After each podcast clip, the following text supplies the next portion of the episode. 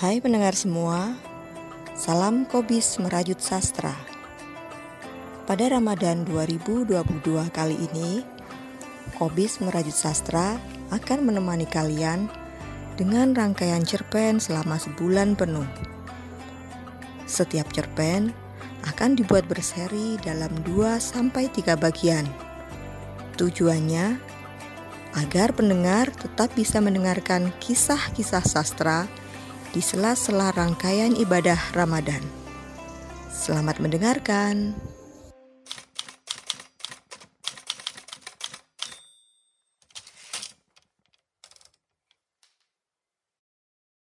Orok yang dijaga kawanan anjing. Cerpen karya Iman Suwongso. Bagian 1.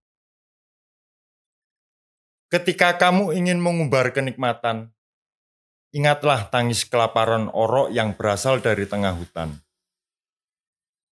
Suara menyayat itu selalu mengusik orang-orang yang tinggal di pinggir hutan.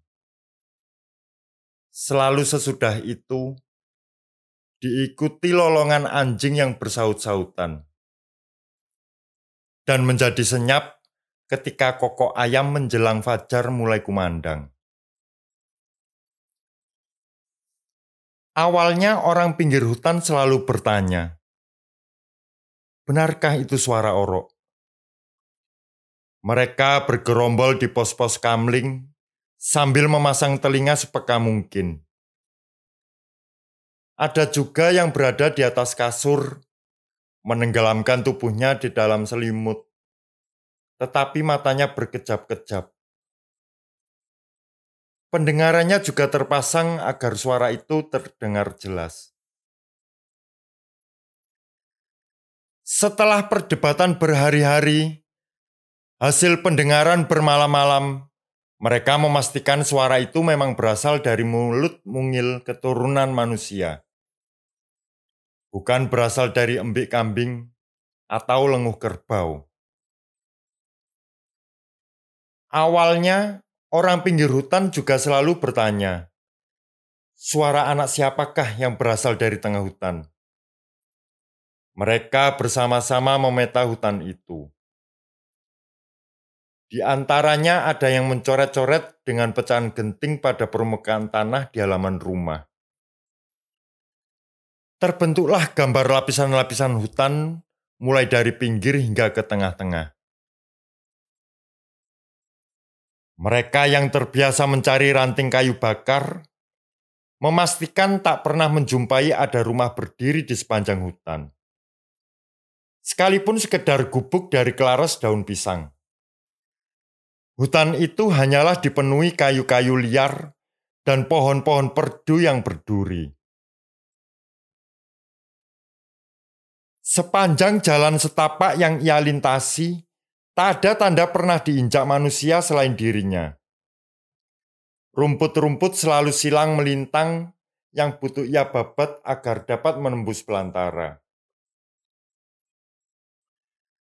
Di dalam hutan itu tidak pernah kelihatan ada asap yang membumbung. Sebagai pertanda ada aktivitas kehidupan manusia di dalamnya. Buah-buahan yang ranum tetaplah bergelantungan sampai codot-codot menyantap dan meninggalkan secuil di tangkainya. Lantas, Oro itu tinggal di mana? Dan suara-suara anjing itu? Seseorang di antaranya tertegun. Orang pinggir hutan yang lain sudah buntu pikiran.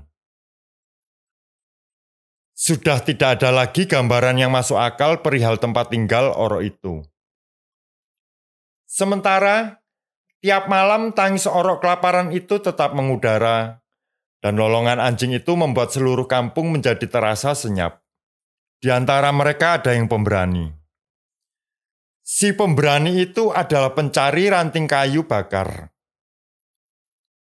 Si pemberani itu adalah orang yang paling rutin berjaga di pos kamling. Ia memutuskan untuk menjelajahi hutan ketika Oro itu mengeluarkan tangisnya. Di antara mereka, yang lain, Juga ada yang bertekad mengikuti si pemberani. Meskipun ia tidak seberani si pemberani. Ia akan merasa berani berada di belakang si pemberani. Ketika suara tangis orok itu mulai terdengar, mereka berjalan ke dalam hutan. Mereka tidak hanya berdua, ada sederet orang bergerak selajur. Ada tujuh orang. Mereka berjalan berbaris sambil tangannya mengangkat obor. Barisan obor itu dari kejauhan seperti ular api yang ditelan kegelapan ketika mulai memasuki hutan. Si pemberani berada pada barisan terdepan. Karena hanya dia yang lebih paham lekuk liuk jalan setapak di hutan. Ia juga orang yang paling peka pendengarannya. Jalannya mengikuti arah suara tangis orok yang telah bersaut-sautan dengan lolong anjing. Betulkah itu suara tangis orok? Orang di barisan ketiga mulai ketakutan. Bukankah itu suara anak kuntilanak? Orang barisan kelima menimpali. Si pemberani tidak menghiraukan keluhan orang yang mengekornya. Ia mulai membabati jalan setapak yang mengarah pada suara tangisan di tengah hutan. Pada pertigaan jalan setapak, si pemberani menghentikan langkahnya. Suara itu terdengar mengarah pada cabang jalan setapak yang makin menyempit. Ia mengikuti jalan yang ujungnya hanya dihubungkan dengan lorong seperti mulut goa yang dibentuk oleh tanaman perdu berduri. Ia memasuki lorong itu dengan merangkak diikuti orang yang di belakangnya. Bolehkah saya menunggu di sini? Kata orang di barisan keempat. Tidak ada jawaban dari kepala ular api. Ia terus menerobos lorong itu.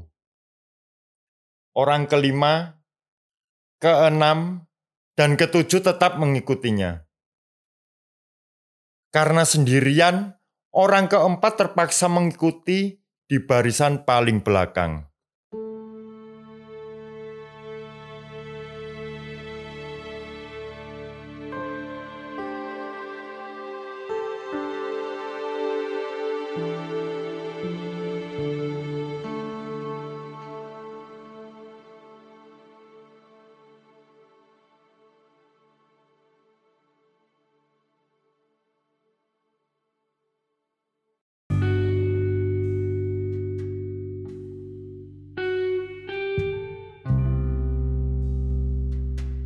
Hai kawan-kawan, era digital telah berkembang pesat, mengisi seluruh sudut kehidupan kita.